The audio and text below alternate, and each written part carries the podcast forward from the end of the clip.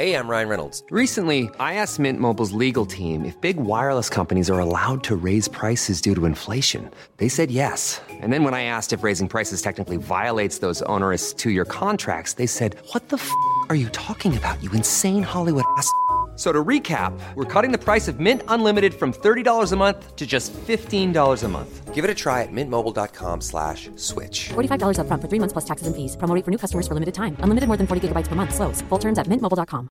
Want flexibility? Take yoga. Want flexibility with your health insurance? Check out United Healthcare Insurance Plans. Underwritten by Golden Rule Insurance Company, they offer flexible, budget friendly medical, dental, and vision coverage that may be right for you. More at uh1.com. Vi är sponsrade av Mindler och som ni säkert vet sedan tidigare så är vi ju ute på psykologresan tillsammans. Men hur vet man egentligen när det är dags att söka hjälp? Ibland uppstår saker i livet som kommer utmana oss och kännas tufft. Det mesta självläker vi oss igenom, för vi är menade att ta oss igenom en viss mängd påfrestningar. Men ibland behöver man professionell hjälp för att ta sig ur jobbiga perioder i livet. Men vart går då gränsen? Vad är en del av livets skavighet och när är det läge att söka hjälp?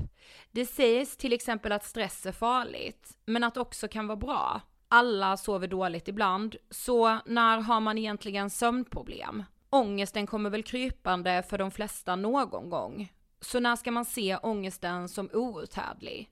Hur vet jag? Med oss som psykolog har vi såklart min gamla psykolog Linnea Seidbrant. Okej, Linnea, hur mycket ångest är en del av livet och när ska man liksom söka hjälp för den? Ja, men ångest är ju en känsla som vi alla får då och då.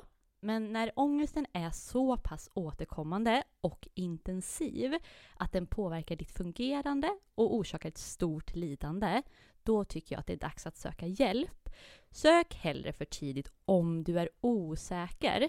Då kan vi oftast med en ganska enkel insats förebygga svårare ohälsa. Och det är bra att tänka på att du förväntas ju inte kunna diagnostisera dig själv med någon fysisk ohälsa. Och det behöver du inte heller kunna göra när det kommer till din psykiska ohälsa. Vi kommer att hjälpa dig att avgöra. Gud vad det där är, alltså Det är det, tror jag är haken för så många, inklusive mig själv, att jag ska redan veta vad mitt problem Jag ska är ha innan jag kommer till... in. Ja. Ah. Jag ska komma till psykologen och säga hej, jag har liksom eh, PTSD och trauma och eh, kanske eventuellt ADHD och eh, är nedstämd och kanske en depression. Alltså, vet. Precis. Ja. Och vi, jag menar, vi har ju pluggat i fem år, vi psykologer, just för att kunna göra bra och grundliga bedömningar. Ja. Så lämna det till oss. Ja, gud vad, alltså varför? Ja, det är jätteintressant. Ja, verkligen. Ladda ner Mindler till din telefon och läs mer på mindler.se.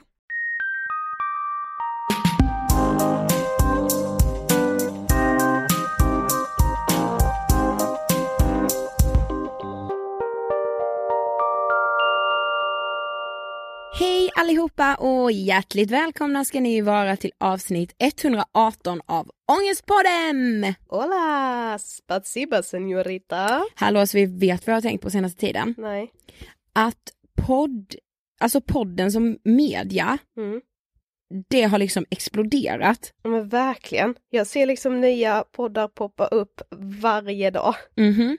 Och därför tänker jag att jag är så himla glad och tacksam för att ni fortfarande hänger med oss på det här poddtåget. Ja, det är så sjukt kul att vi liksom ja, men, håller oss kvar när konkurrensen hårdnar liksom. Ja men det är så otroligt att ni blir fler för Ja. typ varje vecka som går. Mm, jättehärligt. Så välkomna alla nya lyssnare och välkomna ni som är gamla rävar precis som vi. Ja, precis. Alltså det var bara så här, jag har typ tänkt på det senaste veckan. Mm. Hur mår du? Jag mår bra, faktiskt. Mm. Fortfarande lite förkyld, men nu har jag liksom börjat Nej du får snart inte säga det mer i den här. Nu har jag bara ändrat rösten lite och jag kommer ha den nu liksom. Ja, Nej men, ja, men jag mår bra. Mm. Det känns som att, eh, men nu, jag känner nu hur sommaren faktiskt ligger väldigt nära. Ja det är ganska sjukt. Ja men du vet så här nu helt plötsligt så, nu är det snart maj Mm. och det känns som att nu har man liksom börjat skriva in saker i kalendern som liksom är typ i juni. Blir du inte stressad? Nej, jag bara längtar mest. Okej, ja. Blir du det? Jag blir jättestressad. Jag känner bara så här, det är massa saker jag måste ordna, det är massa boenden jag måste boka, massa biljetter jag måste köpa. Alltså hur mycket som helst sånt. Ja men det är kul. Ja fast sen så sätter man sig aldrig ner och gör det så kommer man på två dagar innan att man bara, jag har ingenstans att bo i typ Almedalen. Shout out Almedalen, ni som ska dit, vi ska också dit. Så vi är gärna med i era paneldebatter. Ja, vi ses där. Ja. Ja, eller som igår när vi skulle ta oss ner till eh, Skåne. Och det krabbade så sjukt mycket med alla våra eh, resor igår. Alltså jag hade en jobbig dag igår kände jag. Jag vet. Det var verkligen så här, hur mycket kan det strula på en dag? Mm. Alltså det här är verkligen så jättetråkigt att lyssna på. Men alltså ni vet när man missar tåg, man missar typ så taxi, man har glömt att boka saker. Man ska, alltså jag vet inte, man Ja, men- har inte tänkt på någonting innan och så blir bara hela dagen fel. Ja, för att ingenting klaffar liksom. Exakt Man så. bara, vad vi... Det känns lite så här, vissa dagar är verkligen livets ironi. Ja, Och det kände jag igår. jag med. Men jag är glad för det. Mm. Men hur är läget med dig då? Eh, nej men jag mår verkligen jättebra. Alltså det är så här med, jag känner mig, jag ska sno ett uttryck som jag sa, för jag gästade faktiskt Christian Dahlströms podd Sinnessjukt. Mm. Eh, och då sa jag att jag har aldrig känt mig så här stabil och aldrig känt mig så här ostabil som jag gör just nu. Nej, det var lite intressant när du sa det. Ja, men det är verkligen så. Och jag tycker verkligen ni ska lyssna på mitt avsnitt med eh, Christian, för jag blev liksom, det blev så himla transparent. Men det blir fint. Mm, det var jättefint. Så lyssna på Sinnessjukts senaste avsnitt. Ehm, ja, nej men anyway. Ja men du vet så här, jag har aldrig känt mig så här stabil, rent så här grund, alltså en grundstabilitet i mig själv, låter det sjukt? Eh, det låter stort. Det, det är det. ja. Nej men alltså Sofie, det är faktiskt det. Mm. För jag, jag känner så här, jag bara, jag är stabil som människa. Alltså nej men så här, Ida Höckestrand, Du vet, jag vet liksom. vem hon är. Ja, du vet vem Ida Höckestrand är. Jag känner den jäveln. Det är ju gött. Men jag är så jäkla ostabil för jag kan så här, vakna och bara den här dagen kommer bli perfekt. Två timmar senare är det den värsta dagen någonsin och jag har ångestpåslag som är bortom mig. Mm. Eh, så det är liksom en stabilitet samtidigt som det är en jätteostabil människa. Det låter jättekonstigt. Jo, men det är ändå så här att när du, när du har den här timmen då när det är piss, Mm. Så vet du fortfarande vem du är. Ja, Mm. Det är ju skönt. ja och jag säger jag bara, det är ingen som fuckar med mig alltså. Den har jag ändå. Fuck off-attityden. Ja. Ja, ja, jätteskönt. den ska man ju anamma. Hela tiden. ja. Nej men okej. Veckans gäst, Mm. jag är ju blown away. Jag med. För denna veckan gästas vi nämligen av, som ni redan har sett i titeln, Björn Nattiko Lindeblad. Ja, alltså härligare människa får man ju ändå leta länge efter. Det finns nog inte tror jag inte. Du tror det till och med? Ja, Nej men nästan. allvarligt talat. Björn, han, han brukar säga så här att han är finansvalpen som blev skogsmunk. Mm. Och bara det blir man ju hur nyfiken som helst. Man bara what the fuck. Ja. Men när han berättar sin livshistoria Mm. så, ja men dels slår det mig så här bara, alltså hur vågar man göra de här jätteförändringarna i sitt liv? Mm. Men sen också, ja men han säger så mycket, alltså hans avsnitt det är bara så här quote på quote typ. För Ja, att ja, det är det så är- mycket. Det är liksom en citatguru vi har med idag. Ja. Och det är så intressant med tycker jag att lyssna på någon som har ägnat så många timmar och dagar och liksom år åt att ja men så här, försöka hitta meningen med livet, Mm. att försöka, det här med att försöka lära sig som man själv typ kämpar med varje dag, att inte ta sig själv på så stort allvar, att liksom kunna hantera sina tankar och sin ångest och så här. Ja men precis. Och jag, ja men du vet jag kände liksom så här. Ja men som jag sa, dels var det det här med att, så här, att ta de här stora besluten, att man vågar göra det, men också att så här. Jag tänkte ju att Björn vet vad lycka är på riktigt. Mm, Men så här, hur han resonerar kring det. mm. Ja, det är ett jättehärligt och väldigt inspirerande avsnitt ni har Ja, men framför det- er här. man lämnas liksom med en helt annan världsbild nästan. Mm. Ja, jag känner med det. Ni Det- förstår ju själva vad ni har framför er liksom. Ja, och lite så här, de, vad, då- ja, de stora besluten men de kanske inte är så stora, alltså det kanske inte är värsta grejen, alltså du vet lite så. Precis. Mm. Okej, men vi ska inte babbla mer. Nej, Nu rullar vi intervjun med Björn Nattigo Lindeblad. varsågoda. Hej Björn och välkommen till Ångestpodden! Hej, vad kul att vara här, Sofia och Ida. Ja, men vi sa ju det till dig nu precis innan att vi har varit så spända för den här intervjun och tycker det ska bli så roligt. Ja, jag tycker likadant. Jag låg i sängen och tänkte i morse, vad är det roligaste du tycker med att vara med i Ångestpodden? Jag vill ju egentligen mest lyssna på er. Eh, men för de som inte vet, Ja. vem är du? Den korta versionen är att jag eh, är civilekonomen som hade en fin karriär på gång som ung man. Alla de yttre tecknen på framgång var på plats. Jag satt i Spanien i ett vackert hus vid havet med den fina bilen och fick åka i rätt del av flygplanet och hade ingen sekreterare. Och skulle bli den yngsta ekonomichefen i ett AGA-dotterbolag någonsin. Och fick vara med om den där ruschen av att nu är jag framgångsrik i andra människors ögon. Och den växande jobbiga insikten att jag mår ju inte så bra. Jag är inte så lycklig som jag trodde att man skulle bli när man hade lyckats på det sättet som jag har lyckats. Så jag sa upp mig, sökte några år på olika vis och blev så småningom skogsmunk, buddhistisk skogsmunk i Thailand. Och sen var jag buddhistisk munk i 16 år och var alldeles säker på att jag skulle vara det i hela livet. Levde helt utan pengar, helt utan sex, i en gemenskap med människor från hela landet, eller hela världen. Levde i olika kloster, olika länder. Och kom hem från det 2008 väldigt förvånad att det tog slut, men det gjorde det. Och sen dess så har jag försökt att hitta en plats för mig i den här världen som ni och vi, ni och jag delar. Och idag så verkar jag egentligen på tre huvudsakliga områden. Jag är förstås meditationslärare, för det är ju en sak som jag har lärt mig mycket om under de 16 åren. Och sen är jag talare, så det är inspirationsföreläsare kallas det ibland. Väldigt fantastiska tillfällen som för några veckor sedan så var det Sahlgrens personal på ett fullsatt konserthuset i Göteborg. Över tusen pers och jag fick sitta där och berätta om saker jag tyckte var viktiga. Wow. Jättefint. Ja. Och sen så har jag ju närmat mig poddvärlden som vi delar. Jag har varit med i några poddar som blev uppmärksammade och sen har jag en god vän som heter Navid Modiri. Och han och jag hänger rätt mycket och så hittar vi ännu en ursäkt för att hänga och starta en podd. så vi har gjort, eller tre avsnitt har kommit ut och ett fjärde kommer om en vecka och det har tagits väldigt väl emot. Och eh, ni bjöd in mig, jag tackar nej till fler poddar än jag tackar ja till. Två av dem jag tackat ja till på sista tiden, det låter kanske konstigt, är Sorgpodden och Ångestpodden. Därför att det är ämnen som jag tycker är viktiga, som vi behöver prata om, alla de där sakerna som är lite jobbiga att prata om, men som alla mår bättre av att vi pratar mer om. Och så gillar jag en stil, så idag sitter jag här. Och vet ni en kuriosa detalj? Vadå? Att idag är vi alla tre sminkade. Du har varit med i tv, eller brukar du sminka dig annars?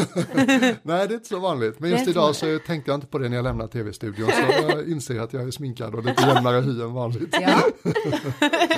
Men på tal om ångest då, vad Ja. tänker du på när du hör ordet ångest? Ja, du, det är inte svårt alls. Jag har riklig erfarenhet av ångest. Jag litar inte ens på människor som, inte, som säger att de inte har upplevt ångest. Samma här. Ja, eh, jag skulle säga att det finns ju olika sätt att använda det ordet. Eh, eran generation är ju typ hälften så gamla som jag. Använder du ibland på ett så här lättsamt sätt. Jag får ångest av att vi ska ha prov imorgon eller att jag missar bussen. Eh, och jag, när jag tänker på ångest på riktigt så tänker jag förstås på Ja, hur ska vi beskriva det? Mina erfarenheter av ångest det är till exempel att det sitter väldigt mycket i magen börjar det. Det är mitt ångeststartställe. Det växer till solarplexus, bröstet. Det blir svårt att andas, andningen blir ytlig. Eh, Jag får ett enormt motstånd inombords. Vad jag än ska liksom göra från den enklaste lilla grejen till stora grejer känns oöverstigliga och jättejobbiga. Eh, vad jag än tänker på så går det mot mörker. Det känns liksom, jag kan inte ens fundera, bara någon säger framtid eller ber mig tänka på någonting som ska hända så känns det bara jobbigt och tungt därför allt i mig bara tenderar att gå mot jobbigt, misslyckat, hjälplöst, uppgivet, svart, ensamt och en väldigt övertygande bakgrundskänsla av det kommer aldrig bli bättre. Mm. Så här kommer det vara nu. Mm. Och det spelar ingen roll att någon säger efter regn kommer solsken eller hej och hå. Det känns helt meningslöst. Mm. För den känslomässiga sanningen är nej, nu är det så här. Mm. Um, och den mest intensiva och långvariga ångestupplevelsen jag haft det var när jag kom hem från munklivet. Uh, och det förstår ni säkert, man har gjort något i 16 år, Mm. rätt mycket av min identitet Mm. blev ju den här skogsmunken. Mm. Jag var en uppskattad lärare, jag hade ett socialt sammanhang, en global gemenskap av människor jag tyckte om. Och så liksom kraschlandar man i norra Halland ute på landet utanför Knäred i en enrumsstuga i november. Jag var sjuk, jag hade en autoimmun sjukdom, jag hade fått en massa kortison så jag kunde inte sova. Var fattig, medelålders, CVt såg sådär ut. Mm. Och jag vaknade typ fyra, fem, sex dagar i veckan med djup ångest och kanske två, tre, fyra på morgonen. Fyra var tur liksom, men mellan två och tre vaknade jag ofta. Ofta var sängen blöt för en av ångestens fysiska manifestationer om den är stark kan vara svettas. Mm. Så var det ofta. Okej, gå upp, bädda om liksom. För deppigt att gå upp så tidigt, för farligt att försöka somna om för då sveps man med sina tankar. Och de som haft ångest vet att tankarna drar ju bara mot mörker liksom. Mm. När man har ångest. Så att det var typ den intensivaste andliga träningen i hela mitt liv. Mm. Att ligga på rygg och andas, tro inte på allt du tänker, släpp tankarna, kom tillbaks till andetaget. Ja, ja, dina tankar säger att det kommer bli så ensamt och fattigt och olyckligt och förtvivlat och aldrig bli bättre. Tror du på det så går du under, släpp dem, kom tillbaks till andetaget. Så jag har eh, hängt med ångest, you bet. Mm. Vi med. Ja men jag hörde i en intervju med dig så, så sa du något så här, alltså jag tyckte det var så skönt att höra, för du sa så här, ja men när man får ångest så blir ju det fysiskt också. Okej, ja visst. Ja, du sa något i den stilen. Ja, absolut. Och jag tyckte det var så skönt för jag har upplevt när ångest blir så fysisk också. Ja. Du vet, Ja, ja, man, som visst. du säger, man känner det ner i magen och man känner det, Och så här tunnelseende liksom. Precis. Jag kunde sitta och köra på Essingeleden runt Stockholm, du vet, totalt hänger löst i tillvaron. Inget jobb, inget riktigt hem, total oro. Och du vet, man bara tittar på trafiken och de här ganska fula industriområdena man kör igenom. Liksom. Det bara så här, världen är mörk och det kommer aldrig bli bättre och det är väldigt fysiskt. Liksom. mm, precis. För mig kan det vara en sån här sugande känsla i magen. Jag kommer ihåg när jag var typ 25, precis sagt upp mig från eh, näringslivet, plugga litteraturvetenskap och det tyckte jag om. Eh, Mm. Men ändå, det fanns ju en viss oro, hur ska det gå, vart är jag på väg liksom. Ja. Och jag kunde sitta hemma och plugga och känna vad det sög i magen liksom. Så jag gick iväg, köpte en pizza, kom hem, åt upp pizzan för jag trodde att suget i magen var hunger. Ja. Stoppade i mig hela pizzan och sen inser jag shit, suget är kvar. Ja. Det handlar inte om mat, det Nej. här är psykologiskt liksom. Ja. Mm. Jo, men som sagt, du har ju liksom levt som munk i 16 år va? 17, 16. Mm. Och eh, när vi liksom tänkte på det så tror vi, och vi frågade faktiskt våra lyssnare igår också, när vi körde så här livesändning på Instagram. Eh, och alla bara, men ni måste fråga honom, alltså hur var hans uppväxt liksom, hur, hur blir Var det? så gick att- det fel? Nästan så. Här, Hur blev det så här? eh, Ja. Men du hade liksom en väldigt, väldigt bra uppväxt va? Ja, det var rätt kul. Alltså när jag var typ ett år gammal som munk, då dök Stina Dabrowski upp, en programledare i djungeln och skulle intervjua mig. och en av frågorna hon ställde det var, men du, om man skulle fråga dina kompisar som du växte upp med i Hovås söder om Göteborg, har han alltid varit lite konstig? Vad tror du de skulle svara då? Och det är en väldigt rimlig och bra fråga, trots allt liksom. Heterosexuell man lever 16 år i kjol utan pengar och sex. Exakt. Men nej, Eh, det var inget, det var en sån här, det var en privilegierad uppväxt. Det fanns allt man behövde. Bodde i ett fint hus och det kändes aldrig som det saknades något materiellt sett. Um, ehm, och de som stod mig nära visste att jag hade en sökande, längtande natur. Jag har alltid liksom tuggat i mig en massa böcker. Och när jag växte upp, du vet, det var lite efter hippievågen. Så det fanns väldigt mycket böcker med anknytning till österländsk andlighet. Så en dag hittade jag en bok i mamma och pappas bokhylla som hette Jonathan Livingston Seagull som handlar om en fiskmås som tänkte, finns det inte något mer? Handlar livet bara om att flyga omkring här och leta fisk liksom? Ja. Och det är en sån där andlig klassiker från sent 60-tal. Ehm, och även under civilekonomåren och när jag såg som mest jappig-aktig ut så läste jag också en massa liksom andlig litteratur, så jag har den sidan. Ehm, men de som inte kände mig så väl såg inte så mycket av det, för jag är ganska bra på att passa in, liksom utåtriktad och socialt kompetent. Och det är klart jag ville lyckas liksom. Även om jag inte tyckte Handels var så himla kul, jag pluggade på Handels i Stockholm då. Jag tog mig igenom. Och så här goa ögonblick, ni vet, ni vet att världen vänligt signalerar att lille vän, du har nog inte hittat din plats i livet riktigt än. Ja. Och liksom i våren på trean på Handels då så kom företagen till Handels och rekryterade för det var väldigt bra, det var gynnsamt att söka jobb då. Och då satt jag på en intervju på eh, Diplomat i, på Strandvägen och käkade middag och pratade med en bankgubbe från London. Och gjorde så gott jag kunde. Och när vi var färdiga så skakade vi tass och så sa han till mig, ja du Björn, vi kommer nog att bjuda in dig till London för vidare intervjuer på vårt huvudkontor. Men jag föreslår att du då försöker vara lite mer intresserad av arbetet. Du vet, så man får liksom signaler om att, oj då. Ja. Och jag visste ju det hela Handels, jag, det var inte ett enda ämne jag tyckte var kul på riktigt. Nej. Och jag hade ju gott om vänner som du vet, de stod och hängde vid börsmonitorn och följde aktiekurserna och var genuint intresserade och jag saknade det. Ehm, så att eh, någonstans visste jag redan under Handels att jag tror inte riktigt jag har hittat min grej än. Ja. Men vad, vi hörde i någon annan intervju att du så sa att när du väl sa till din mamma att jag vill bli skogsmunk Ja, liksom, ja. då kände du för första gången att du liksom gjorde det här egna valet, att det var första gången. Men, men varför liksom tog det så lång tid? Alltså jag menar, Mm. tre år på Handels, det är liksom ändå tre tuffa år. Det är inte så att man bara glider igenom Handels. det är liksom, nej, absolut. Vad- Speciellt inte om man inte är intresserad. Nej, varför, varför tog det liksom så lång tid? Eller vad fick dig att Ja. liksom göra allt det där? Du skulle liksom bli Ja. yngsta chefen Bra någonsin. fråga.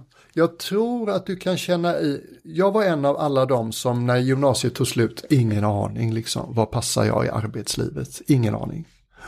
Pappa han hade gjort finans, ekonomisvängen och det hade funkat jättebra för honom och levde, levde ett bra liv. Och lite den ärligaste versionen av varför jag kom in på hand, eller jag började på Handels var typ pappa blev väldigt stolt när jag kom in. lite så. va? Och sen du vet, när man är ung, de flesta av oss är ganska utanförstyrda. Man har just liksom gått igenom tonåren och det har blivit väldigt viktigt vad andra tycker. Man ser lätt sig själv genom andras ögon väldigt mycket. Och jag gjorde nog det ännu mer än de flesta. Jag är nog ännu mer liksom utan, eller har varit ännu mer utanförstyrd. då.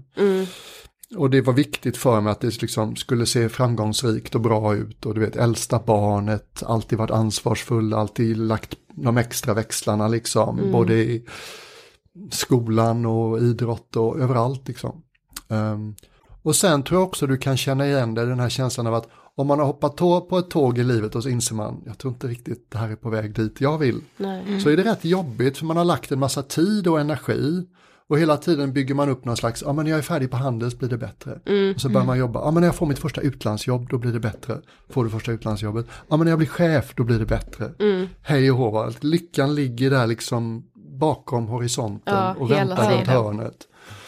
Och fortfarande då att man, hur ska vi kalla det, du vet, när du lite obetänksamt utan att egentligen tänka efter sväljer myterna om framgång och lycka som du har omkring dig. Ni som växer upp i er generation, nu är det mycket värre. Ja. Ni har liksom Instagram och Facebook att hantera också. På min tid var det liksom inte fullt lika påstridigt, men ändå. Man matades med bilder av så här ser ett lyckligt liv ut. Och sen hade jag till slut uppnått det som de lyckliga bilderna hade då med liksom materiellt välstånd och chefsjobb och bra lön och allt det där. Och bara fick liksom lite motvilligt och generat inse att jag blir inte lycklig av det här. Nej. Jag mår ju rätt dåligt. Så att jag skulle säga när på din fråga för att komma tillbaka till den första gången jag tog ett eget beslut, det var egentligen när jag sa upp mig. I Spanien då där jag jobbade och skulle bli ekonomichef alldeles snart. Då. Var inte det läskigt? Det var jätteläskigt.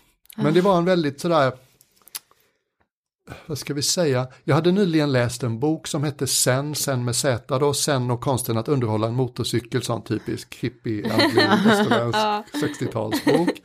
Och där fanns det en idé att det är i oss människor som är stillsamt och rofyllt. Därifrån kommer våra klokaste idéer. Väldigt så här buddhistisk idé, man stillar sitt sinne och sen blir man lite mer kreativ och klok. Och jag låg där med söndagsångest och tänkte vad jag förlorar, jag kan ju bara vända mig inåt, andas lite lugnt, släppa tankarna så gott det går. Uh, och sådär lite ur den här relativa tystnaden inombords så bara bubblar tanken upp, det är dags att lägga ner det här, det är Mm. dags att gå vidare. Så att det kom från en tyst plats inombords, det gjorde mig skraj fast det gjorde mig uh, uppiggad samtidigt. Ja. Någon sån här känslomässig dal, berg och dalbana efter den här idén att shit, det kan jag inte göra. Vad ska mamma och pappa säga? Vad ska cheferna säga? Vad ska mina kompisar säga? Och sen, ja men vadå, det är mitt liv, hallå, eller vem bestämmer i mitt liv? Mm. Och det tror jag om, om man tänker sig att era lyssnare är i eran ålder, så är det någonting jag hade velat höra lite mer om Mm. när jag var i eran ålder Mm. och bli påmind om. Svälj inte myten om lycka liksom som du bombarderas med ifrån alla håll. Ta ansvar för att intressera dig för vad gör egentligen mig lycklig? Mm. För jag tror liksom att det är så många som kan känna igen sig i det för, och det är ju också för att man, man har ju själv hjälpt till att bygga upp att man liksom är lycklig eftersom Ja, det är det visst. man pumpar ut i sina Ja. egna sociala medier. Mm. Så då är man typ rädd att alla andra ska tänka så här, men hon har ju gått runt och varit en jävla lögn hela tiden Ja, ju. visst, ja, visst, som ja, inte, som bara har vänt Ja, helt visst. nu. Och ju mer man spelar det spelet, ju svårare blir det att uppriktigt berätta att man har en dålig dag. Ja, liksom. precis. Ja. Ja, jag kom bara att tänka på en sak nu, för jag och Sofie har sagt det här många gånger till våra lyssnare, men när vi gick gymnasiet, ja Mm. snart är det fem år sedan, Mm. herregud, ja, så hade vi så här som något slags mål att innan 25, skulle, eller jag hade i alla fall detta, innan 25 skulle jag tjänat första miljonen och innan 30 skulle jag vara ekonomiskt oberoende. Och det var liksom framgång för mig. Ja, visst, visst. Eh, men sen vi startade vårt företag och började liksom jobba med något som man brinner så mycket för. Mm. Så märker man ändå så här att okej pengar är verkligen inte allt. Eller så Eller det är liksom hur? inte något som Ja, kommer göra mig hur? lycklig. Men vi funderar liksom på vad skulle du säga är framgång? Ja, alltså där får man ju passa sig därför att jag är ju ingen unik kompetens utan jag kan ju bara prata för mig. Mm. Ja. Och jag har fått träffa tillräckligt många ekonomiskt framgångsrika människor för att förstå att det gör inte en lycklig. Ja. Ofta blir problemen större Mm. när man blir ekonomiskt framgångsrik för man har mycket mer att jonglera och bolla med. Mm. Och det finns en viss kortsiktig njutning av att se framgångsrik ut i andras ögon. Det är lite som att äta spunnet socker liksom, det smakar gott i munnen. Men det ger dig ingen näring egentligen. Va? Eh, och sen har jag ju då fått ett kändisskap och får vara med i tv och radio och sånt där titt som tätt. Och det är ju numera så dyrkas ju kändisskap och kändisar på ett sätt som är häpnadsväckande. Mm. Och det är ju samma sak där, liksom att det gör ju ingen lycklig heller. Det är ju verkligen också en liten fluffig eterisk bild som poffar Mm. upp i medierna och sen försvinner. Va? Det har inte så Mm. mycket att göra med vem jag är till vardags. Om jag tittar på framgång, jag, om jag ska ta liksom väldigt stort perspektiv, för mig så vore framgång och när jag ska dö och går emot mitt sista andetag och inser att nu håller det på att ta slut. Och bara se tillbaka på mitt liv och säga wow, vilken tripp liksom. Vem kunde ha trott? Tänk va. Ja. Inte sådär, ja, jag gillar uttrycket no regrets, men om man tar det fel så kan man tro att man inte får göra några misstag. Men mer liksom, wow, vem kunde ha trott jag gjorde så gott jag kunde hela vägen. Ibland Ja. gick det bra, ibland gick det dåligt, men jäklar vilken resa. Ja. Jag hade inte bytt ut den mot någonting. Ja. Och sen tror jag också att vi glömmer bort en person som jag då får ju så här lite klok person-image och ska liksom kläcka ur mig tidlös visdom som gäller för alla. Och där tror jag att det, det är så lätt hänt i vår tid att vi dyrkar auktoriteter, du vet det finns Mm. specialister på allting. Mm. Hallå, det finns bara en specialist på ditt liv och det är du. Ta ansvar för det, intressera dig för det. Jag satt och tänkte i morse, när jag stod i duschen och skulle komma hit och tänkte på lycka av någon anledning, tänkte jag, ja men om man inte sväljer den gängse myten om lycka, vad gör mig lycklig? Så här, ja, tänker jag vardagsplan, ja. Jag blir lycklig av att leka, tramsa, flamsa. Eh, jag har startat en improvisationsteaterkurs liksom med 13 kompisar, jättekul. Ja. Jag blir lycklig av genuina möten. när man verkligen pratar med varandra på riktigt, som ni Mm. försöker göra i den här podden, Mm. då liksom vaknar någonting till i mig. Jag blir lycklig av att få berätta om min värld som jag gör för er nu, Mm. att någon lyssnar som ni gör och tycker det är roligt och då känner jag, ja men kolla, de verkar tycka vad jag har att säga är värt att lyssna på, men då kanske jag inte är så värdelös som jag känner ibland ändå. Äventyr är väldigt kul tycker jag. Jag är en sån person som mår bra av fysiska äventyr. Mm. Gjorde ett bungee jump i Sydafrika förra vintern. Som var Wow. högsta i världen på sin tid. Jag är hög en halv dag efteråt. Fantastiskt. kan jag tänka mig. ja. Ja, sex, ja, jag gillar sex, jag blir glad av sex liksom. Resor på rätt sätt. Mm. Det är verkligen en guldgrej för mig. Varför blev det liksom buddhismen just? Ja, bra fråga. Jag egentligen, som du hör, så har jag ju som många unga människor alltid varit lite sökande. Och en känsla av att fan, livet skaver lite, alltså det är något jag inte riktigt har förstått än. Mm. Det måste finnas mer än det här, du vet någon Mm. slags tomhetskänsla eller längtan som har drivit mig. Men jag har egentligen aldrig sökt i religion innan, för jag tyckte religion verkade ganska irrelevant, konstigt. Träffade aldrig en kristen person som kunde göra kristendomen förståelig, är konfirmerad men det, liksom, det hjälpte mig inte så mycket. Hey, I'm Ryan Reynolds. Recently, I asked Mint Mobile's legal team if big wireless companies are allowed to raise prices due to inflation. They said yes. And then when I asked if raising prices technically violates those onerous two year contracts, they said, What the f are you talking about, you insane Hollywood ass? F- So to recap, we're cutting the price of Mint Unlimited from $30 a month to just $15 a month. Give it a try at mintmobile.com slash switch. $45 upfront for three months plus taxes and fees. Promo for new customers for limited time. Unlimited more than 40 gigabytes per month. Slows. Full terms at mintmobile.com. Ryan Reynolds here from Mint Mobile. With the price of just about everything going up during inflation, we thought we'd bring our prices down. So to help us, we brought in a reverse auctioneer, which is apparently a thing. Mint Mobile unlimited premium wireless. Ready to get 30, 30, bit to get 30, bit to get 20, 20, 20, bit to get 20, 20, bit to get 15, 15, 15, 15 just 15 bucks a month. So, Give it a try at mintmobile.com slash switch. $45 upfront for three months plus taxes and fees. Promo rate for new customers for limited time. Unlimited more than 40 gigabytes per month. Slows. Full terms at mintmobile.com. Och sen så under en resa i Thailand så blev jag dumpad på stranden och insåg att oj då, jag har ju inga verktyg när jag blir så här förtvivlad, jag är ju rätt lost. Mm. Och då eh, hade jag fått en adress av någon till ett tempel utanför Chiang Mai. Så jag tog mig dit med ganska vaga föreställningar om att buddha-statyerna ser lite mer chill ut. Jesus på korset och munkarna ser rätt nöjda ut och de lullar ut och får mat på morgonen. Ja. Och så upptäckte jag sakta liksom, wow, här finns en visdomstradition. Den är 2500 år gammal. Här finns det svar på en hel del frågor som jag har gått och grunnat på och pratat med vänner om. Här finns ett sätt att leva som gör att det som är vackert i människan sakta kan växa. Vad fint. Och sen så, jag var ju en ung person som sökte efter ett sammanhang, du vet, Mm. både jobb och allting. Och sen läste jag någon bok om, wow, här kan man faktiskt leva med engelska som språk i ett kloster i Thailand. Och det verkligen gick jag igång på. Och då kom vi fram till det här tillfället som du nämnde Sofie, när jag och mamma satt vid köksbordet. Och, och då var det lite sådär, du vet, ja mamma, jag tänkte bli skogsmunk. Ja, bara sådär liksom. Ja. Ja, sådär. Och mamma, okej. Och sen sa hon, eh, har du eh, varit i ett skogskloster någon gång? Nej. Har du eh, träffat en skogsmunk någon gång? Mm, Nej. Är du säker på det här Björn? Ja.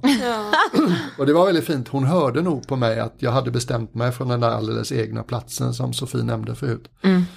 Och det är så gött när vi bestämmer oss från den, för då svajar vi inte så mycket när vi blir ifrågasatta.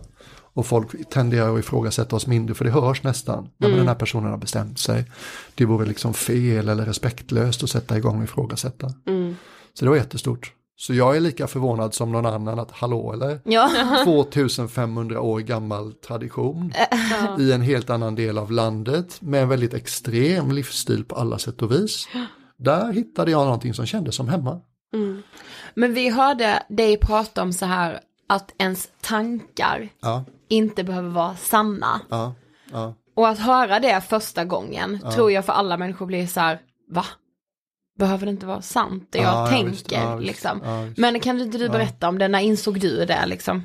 Ja, för mig har det varit typ den största insikten av alla. Jag får ibland en frågan i media, vad värdesätter du mest av allt av 16 års Mm. träning som munk?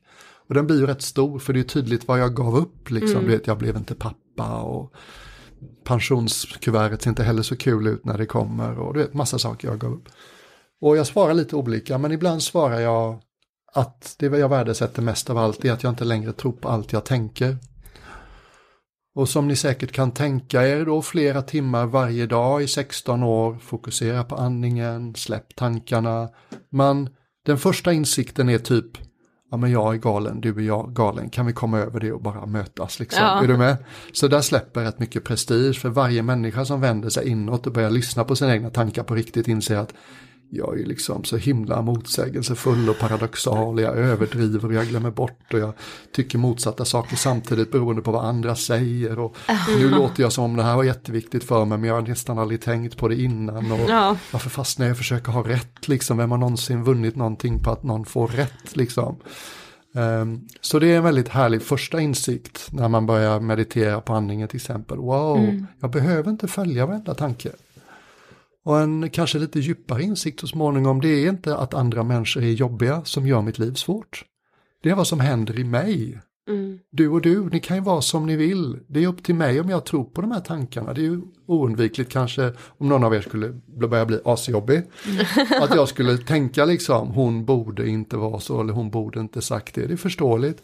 Men om jag tror på alla mina tankar som tycker att världen borde vara annorlunda än den är, hur går det för mig?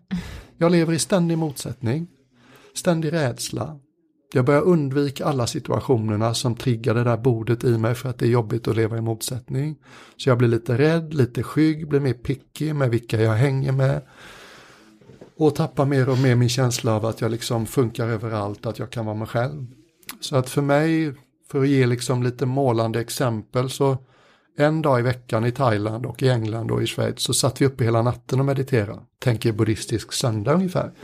Fast det var inte alltid på en söndag för vi hade en kalender som styrdes av månen och så, men en dag i veckan ungefär. Och, fram, och jag tyckte det här var supersvårt för att jag somnade, typ första tio åren som jag mediterade så somnade jag hela tiden. Ja. Jag kunde nästan bara meditera och hålla mig vaken när jag hade fått lite kaffe. Och den här natten i varje vecka när vi mediterade hela natten, vid midnatt dök, dök det ofta upp kaffe, tack och lov. Och sen våran underbara lärare då, seniormunk, en engelsman, han höll alltid ett föredrag, typ som ni vet, predikan i, i, i kyrkan. Och det är ju framförallt då för byborna som kommer till kyrkan han talar till i första hand. Kanske 100-150 pers där ofta. Och den här kvällen så började han lite otippat och sa att ikväll ska ni få ett magiskt mantra av mig. Och byborna var jätteförvånade för att skogstraditionen som vi hörde till var känd för att dissa, avfärda lite det här som är mystiskt och magiskt och paranormalt och så fokusera på mer handfasta grejer. Okej, tänkte de väl, liksom vår västerländska abbot ska ge oss ett magiskt mantra så otippat. Han var en duktig talare och så sa han liksom nästa gång som det dyker upp en konflikt på din inre horisont, bara repetera det här mantrat för det tre gånger tyst så kommer dina problem att lätta som daggen en sommarmorgon eller vad han nu sa. Och de liksom lyssnade så här jätteintensivt och så sa han, okej, är ni med? Jag kan ha fel, jag kan ha fel, jag kan ha fel. Och det är liksom ett sätt att bara slå in en liten kil i mina tankebanor för att komma ihåg det att bara för att jag tänker något så är det inte sant. Nej. Till exempel när du har ångest. Eh, allt det du oroar dig över kanske ska hända då, hur mycket av det händer? 2 procent, 4 procent.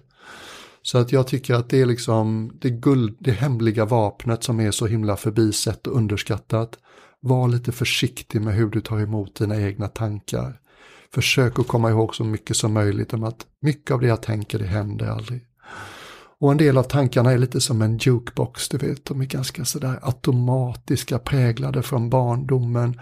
Oh, here we go again, jag är inte så smart som jag borde, jag är inte så snygg som jag borde, jag är inte så framgångsrik som jag borde, jag är inte så whatever som jag borde. va.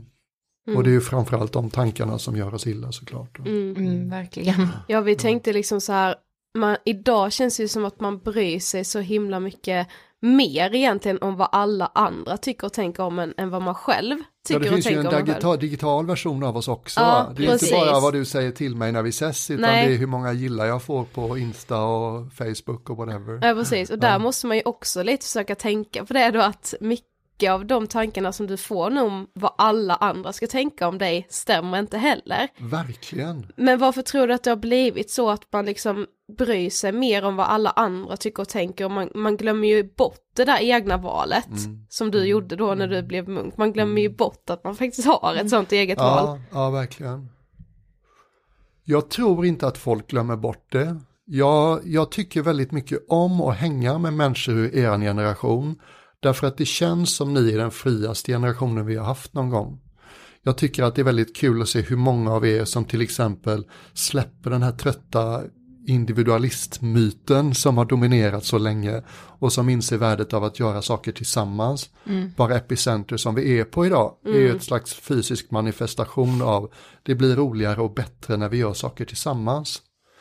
Så att jag tycker inte det är så illa som, som liksom Sofie lät lite, va? utan jag tycker att unga är ganska vakna och starka. Jag ju folk som hör av sig till mig jätte, jättemycket, jätteofta i er generation och som bara vill ha lite uppmuntran eller som, som gör ganska radikala egna val. Mm. Det är också ett problem att ni har ju, vi hade ju många val, Mm. utbildning och jobb. Ni har ju så himla mycket fler. Ja. Det finns det så mycket, dubbelt så mycket olika, hälften av alla jobben som finns för er, de fanns ju inte för oss. Nej. Och sen kan ni välja att göra det var som helst på planeten lite medan i huvudsak valde vi någonstans i Sverige. Och Mm. sådär. Så att jag häpnar över vilken valmöjlighet en hyfsat privilegierad ung svensk står inför idag. Mm. Och bara det kan ju ge lite ångest. Ja, Det är ju liksom den här FOMO, FOMO-ångesten, fear Mm. of missing out. Mm. Ja, men de väljer det så väljer jag inte det. Mm. Ja. Och tänk så väljer jag fel. Ja, ja, visst. Ja. Och sen tror jag det är typ, alla har rätt att i sin egen takt komma fram till vad vill jag, förstår du? Mm. Och det är inte så att vi bara kan bestämma oss en dag, nu ska jag minsann bli självständig, för vi är trots allt ett hopkok av prägling och betingning och andras röster och förebilder och uppfostran och Mm. arv och DNA och hej och hå. Så så här, fria viljan är lite överskattad om man ska bli filosofisk, va? Ja. utan vi är faktiskt lite betingade också. Så att jag tror att det är han, den åldern som ni är handlar väldigt mycket om det. Okej, nu är jag vuxen nog att tänka själv. Och jag är vuxen nog att bestämma vad jag vill. Mm. Eh, Och då är det, det är ju högaktuellt. Och sen hur man gör det, det kan inte jag säga till någon. Jag tror det är mer att man, man börjar med att vara vaksam över att inte automatiskt svälja andras idéer om vad som är viktigt. Mm. Mm. Som jag sa i morse sådär, du vet när jag var med i Aftonbladet TV, ja där sitter jag och har de yttre attributen på framgång och i min liksom kostym och i Spanien och tycker att mitt ekonomiarbete är supertråkigt. Mm, mm. Och tänker på, ja men vad stod det i böckerna på Handels att man skulle drivas av om man är ung ekonom? Ja, man ska drivas av att maximera aktieägarnas förmögenhet. det, det betyder ingenting för mig. Det totalt låter skittråkigt, Ja, helt visst gör det. ärligt. Ja, liksom, Ja. who cares? Ja, Ja. Varför då? Alltså ett annat citat som jag hörde dig säga som jag skrev upp, Mm. det var det här. När man tar sig själv på för stort allvar så har man gått lite vilse. Ja. Alltså jag vet inte, det så här satte sig verkligen hos mig. ja, men visst gör det. Ja. Visst gör det. Jag tror att det är som att bullshit-antennen i oss allihopa vaknar till när någon verkar lite för tvärsäker. Mm. Liksom om jag skulle ge ett tips till en ung människa, om de inte redan, de flesta unga människor har redan fattat det här, men skulle det vara någon som inte har fattat det än, så är stalltipset, vet du vad, nu när du håller på att kliva in i vuxenvärlden, glöm inte att ingen annan vet heller. Ingen har koll. Vissa är rätt bra på att se ut som de har koll. De kanske är tvärsäkra eller bara väldigt intelligenta och pålästa eller whatever. Men ingen har koll. Ingen vet. Vissa är bara duktiga på att se ut som de vet. Mm. Och det är jätteviktigt att förstå det för annars kan man bli lite bländad av alla de här du vet vackra, framgångsrika, intelligenta, whatever. Ja, och man själv känner sig så sjukt misslyckad. Ja, liksom. ja visst, ja visst. Mm. Och det är viktigt också att liksom skilja på, ja visst, det finns en eh, Facebook-version av mitt liv. Mm. Det är ett litet fluffigt moln som Ja. hänger där uppe och är lite rosa och rätt eh, attraktivt. Det är typ 0,2 procent av Mm, mitt liv. Precis. Och det skildrar en väldigt speciell typ av stunder för de flesta av oss. Men när du var munk, alltså hur pratade man om ångest då? Och hur hanterade man liksom ångesten? Buddhans insikter kan man säga mycket om. Men en av de centrala var just det här att, oj då, känslan av att livet skaver, av att livet inte riktigt är som jag vill att det ska vara, att det känns tungt, ensamt. Allt ifrån mild otillfredsställelse till tung, verkligen ångest. Eh, handlar inte så mycket om världen omkring oss, utan det handlar om vad som händer inuti oss. Och det som huvudsakligen händer som gör det jobbigt är att vi tror på vad vi tänker. Ja. Och den här underskattade kapaciteten som vi människor har att plocka upp den inre fjärrkontrollen och säga nu byter jag från tankekanalen till kroppskanalen. Du vet när man säger att okej, de det är många som säger idag i Sverige, till exempel inspirationstalarbranschen, att det är vad vi tänker som gör oss illa, inte hur världen är. Ja visst, men då kan man lätt tro, ja men då borde jag tänka positivt. Ja men ärligt talat, hur lätt är det? Nej. Jo, insikten är ju just den att, och vet du det fina med den insikten, vet du vad det är? Nej. Att du är inte längre ett hjälplöst offer. Man känner sig verkligen som ett hjälplöst offer när man liksom mår dåligt. Jag kan inte rå på det här, det bara händer. Men då upptäcker man att ja, byta tankarna mot positiva, hur djupt går det liksom, kom igen. Ja. Det känns väldigt sådär ytligt och krampaktigt och det håller inte i längden. Nej. Känns lite som man sitter liksom i, i käftarna på en bäst. Liksom. Ja. Eh, ja, och försöka inte tänka på det man tänker på som gör en lite knäckt. Det är också så här, förtrycka en tanke, det funkar inte. Men det finns ett sätt som funkar och det är helt enkelt att rikta sin uppmärksamhet mot någonting annat än tankar. Och liksom man kan tycka, shit vad buddhism är oimponerande filosofiskt, all, all denna andningsmeditation. Det är inte för att det är magiskt eller mystiskt att uppmärksamma sin egen andetag. Det är för att då kan man släppa taget om en tanke utan att förtrycka den, utan att försöka krampaktigt tänka positivt. Tankar överlever inte utan vår uppmärksamhet. Och sakta liksom så tonar den bort. Och då lugnar det sig lite inombords. Mm. Och sen tror jag som ni, eller jag vet inte vad ni tror, men jag upplever att vissa av oss är lite känsligare än andra. Jag har alltid upplevt mig som känsligare än de flesta. Och det är liksom både en välsignelse och en förbannelse. Jag kan upplevas som väldigt påkopplad och vara en duktig lyssnare. Jag känner av andra människor på ett ganska intensivt sätt. Ehm, och det upplevs som fint och det får jag mycket uppskattning för. Men jag har också lite närmare till de mörka passagerna. Mm. Och om man ska bli riktigt filosofisk så upplever jag som att man kan fråga sig, men hallå, du hade liksom tränat dig själv i personlig utveckling och andlig utveckling i 16 år. Och så kommer du hem och så kraschlandar du i ett liksom, ångest, ett och ett halvt års ångest. Ja. Sådär. Och det kan man säga mycket om och jag vet faktiskt inte riktigt hur allt det där hängde ihop. Men jag tror dels hängde det ihop med identiteten, vem är jag nu? Och känslan av total meningslöshet. Och rädslan för försörja sig. Och du vet den här egoknäcken då, nu kommer jag hem och borde vara ett litet lysande visdomspaket och så är jag bara fullständigt knäckt. Skäms över att jag känner mig så olycklig och förtvivlad och då gömmer jag mig och då mår jag ännu sämre. Men jag kan också känna att jag tror att ju, jag har ju trots allt tränat närvaro på heltid i 16 år och är otroligt mycket mer kapabel att vara närvarande i jobbiga situationer än vad jag var innan jag blev munk. Så jag tror att, jag har inget belägg för det här, det här är min högst egna hypotes, att i takt med att vår förmåga att vara närvarande stärks så får vi också lite mer att lyfta. Det är som att gå på gymmet liksom. Att okej, här finns det rätt bra kapacitet för närvaro, då får du ta lite mer än de andra. Och jag tror att det vi känner när vi känner ångest, det är inte bara vårt eget. Jag kan gå in på en buss sju på morgonen som jag gjorde en gång utanför Knäred. Jag mådde rätt bra den morgonen, jag hade yogat, jag hade druckit te, läst något inspirerande, mediterat. Lunkade ner till bussen för jag ska in till Laholm och söka socialbidrag. Efter en 20 minuter på bussen så mådde jag plötsligt rätt dåligt. Och sen insåg jag det här är inte mitt. Jag sitter på en buss full av ungdomar på väg till skolan, de ser inte ut som de ser fram emot det. Vuxna på väg till jobbet, de ser inte ut som de ser fram emot det. Klockan är halv sju i november på morgonen i Sverige. Jag plockar upp andras grejer. Och är det någon som upplever ångest så tror jag att det är bra att komma ihåg. Ja.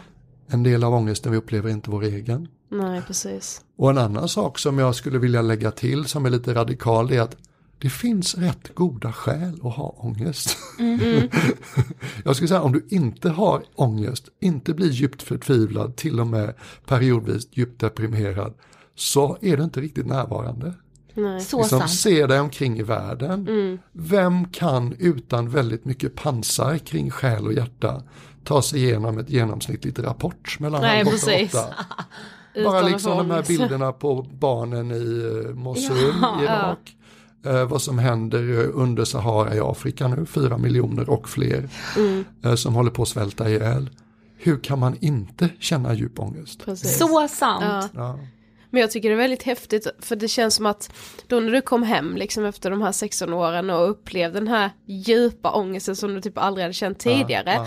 Det känns ju som att den enklaste vägen ut från den ångesten hade ju bara varit att åka tillbaka. Varför gjorde du Ja, inte det liksom? den är intressant, visst är den. Mm. Det kunde vara så här, jag kommer ihåg en passage, när jag mådde så här dåligt så var typ de enda människorna jag orkade umgås med, det var mamma och pappa. Min idé om en bra dag på den här tiden, jag hade ju fått en mobil också, det var ju superjobbigt. Jag hatade ju möjligt att vem som helst skulle kunna ringa mig, jag ville ju bara vara i fred. Ja. Ja. Så på den här tiden så var det typ stäng av mobilen och tugga i dig en halv säsong till av Desperate Housewives, liksom Mm. ensam i min lilla stuga på landet. Fatta liksom hur, hur, hur, hur ledsamt det var. Mm. Och jag orkade hänga med mamma och pappa och en bra fredag när jag hängde med mamma och pappa så var det typ eh, två bärs till middagen. och sen, eh, vad hette det, så, så ska det låta och vem Ja. vet mest fredagsfinal liksom. Och jag kunde sitta och gråta i soffan hemma. Jag var så olycklig och pappa bara sa så här lite lugnt att Men Björn, tänk om det var ett misstag att komma hem. Du har varit så olycklig sen du kom hem. Det var asjobbigt att höra men jag tänkte ju det själv. Mm. Men vad jag kände när han sa det, det var ja, det kanske var ett misstag. Men jag kan inte åka tillbaks till klostret för att jag inte klarade mig här ute. Det är bara för deppigt, är ni med mig? Mm, Ja. Utan då måste det vara så att jag på något sätt skapar något slags liv för mig själv här.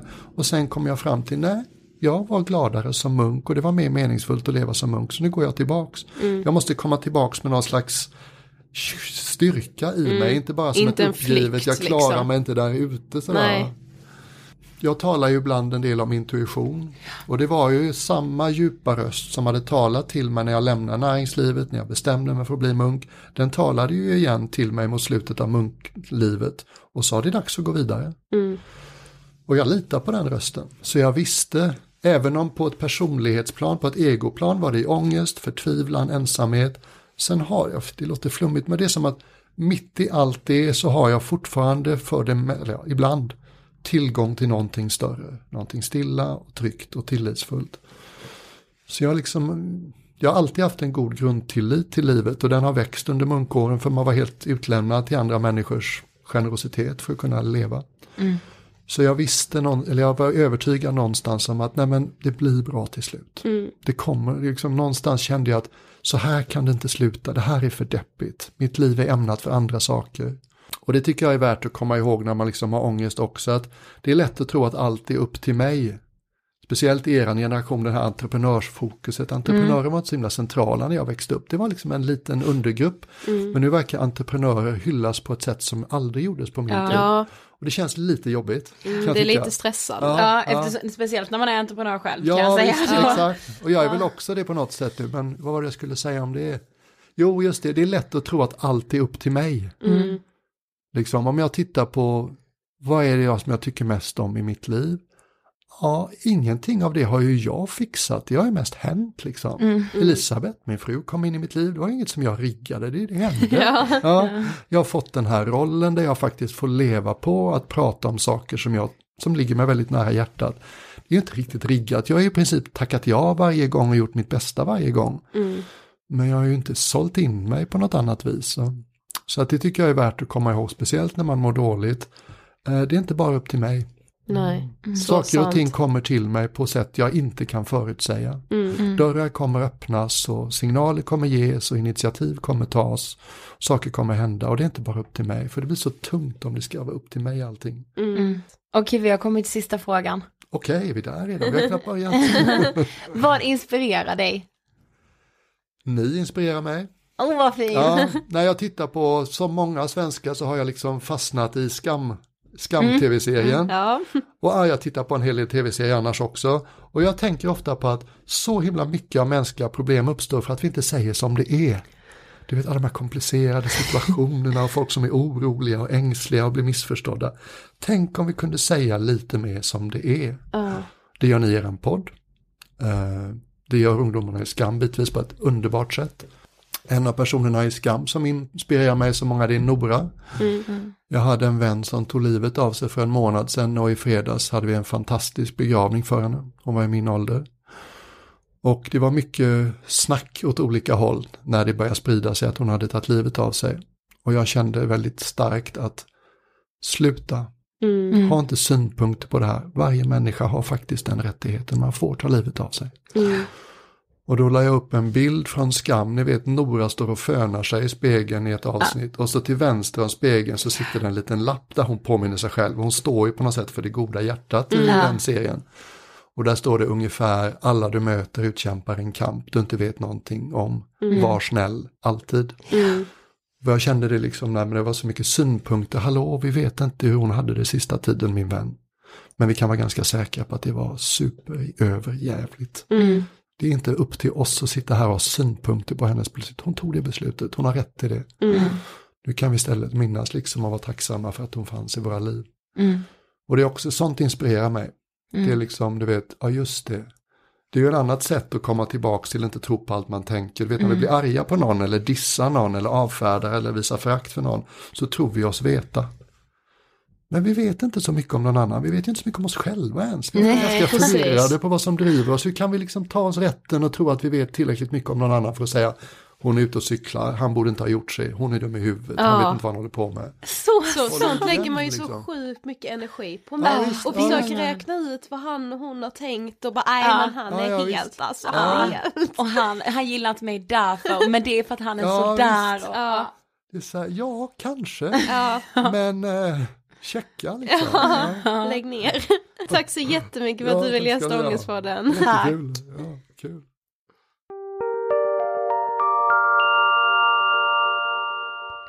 Men alltså hör du Sofie? Ja men alltså som vi sa det är liksom citat på citat på citat. Ja men jag vet och jag känner bara jag vill liksom tillbaka till intervjun, jag vill bara vara där. Ja. Hur länge som helst, jag vill bara sitta och prata och prata och prata. Mm. Tack så jättemycket Björn för att du ville gästa Ångestpodden och känner ni att ni inte fick nog av Björn Mm. så har ju han faktiskt startat en egen podd. Ja. På tal om så här nya poddar. Mm. Eh, den heter Björn och Navid. Eh, och där tar de ju upp mycket av det som vi kanske pratade om i, i dagens avsnitt också fast i egna avsnitt liksom. Ja. Jag älskar poddformatet också. Ja.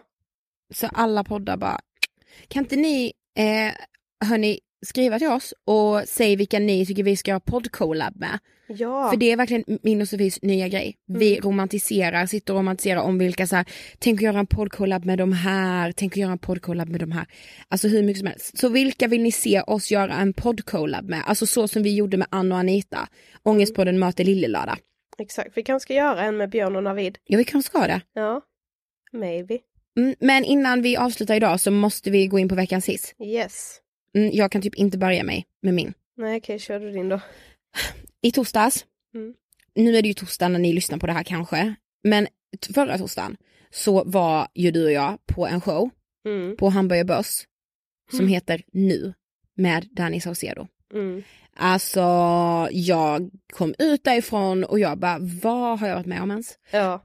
Man får inte vara så här bra. Alltså jag var verkligen så jag bara, fast man kan inte vara så här bra. Det ska inte gå att vara så här bra. Nej men det vore ju sjukt om ingen av oss faktiskt hissade Dannys show i det här avsnittet med tanke på hur golvade vi var efter den föreställningen. Ja, alltså ni som såg, vi hade kört en sån här insta-live, eller jag gjorde typ det på min insta. Alltså jag bara, jag är golvad! Typ så här Ja. hundra gånger.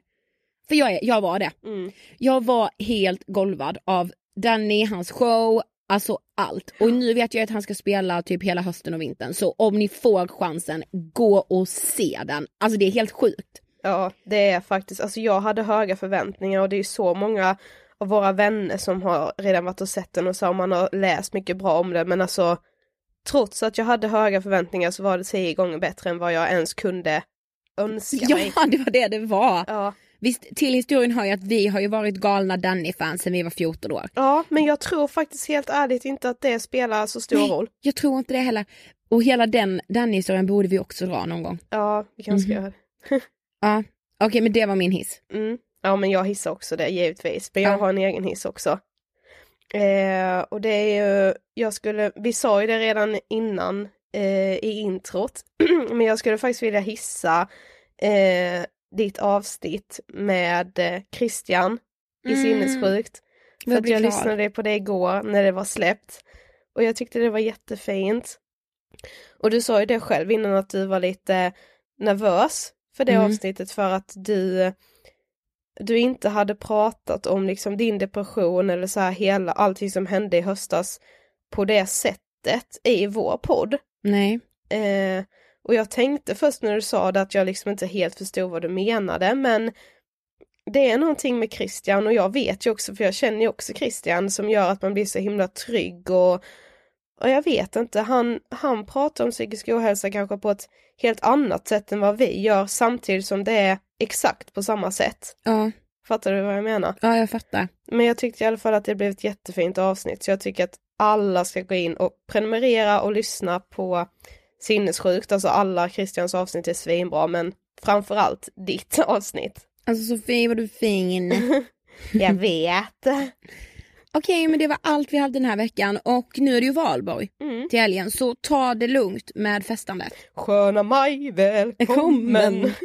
Nej men alltså eh, visst känner vi oss jätteansvarstagande när vi säger så. Ja, det är viktigt. Ta det lugnt med festandet hörni. Var rädda om er, ta hand om varandra eh, Det räcker med en, en skål än en hel bål. Det rimmar inte. nej, Okej, vi hörs nästa vecka. ha det bäst. Puss, hej då! Hejdå!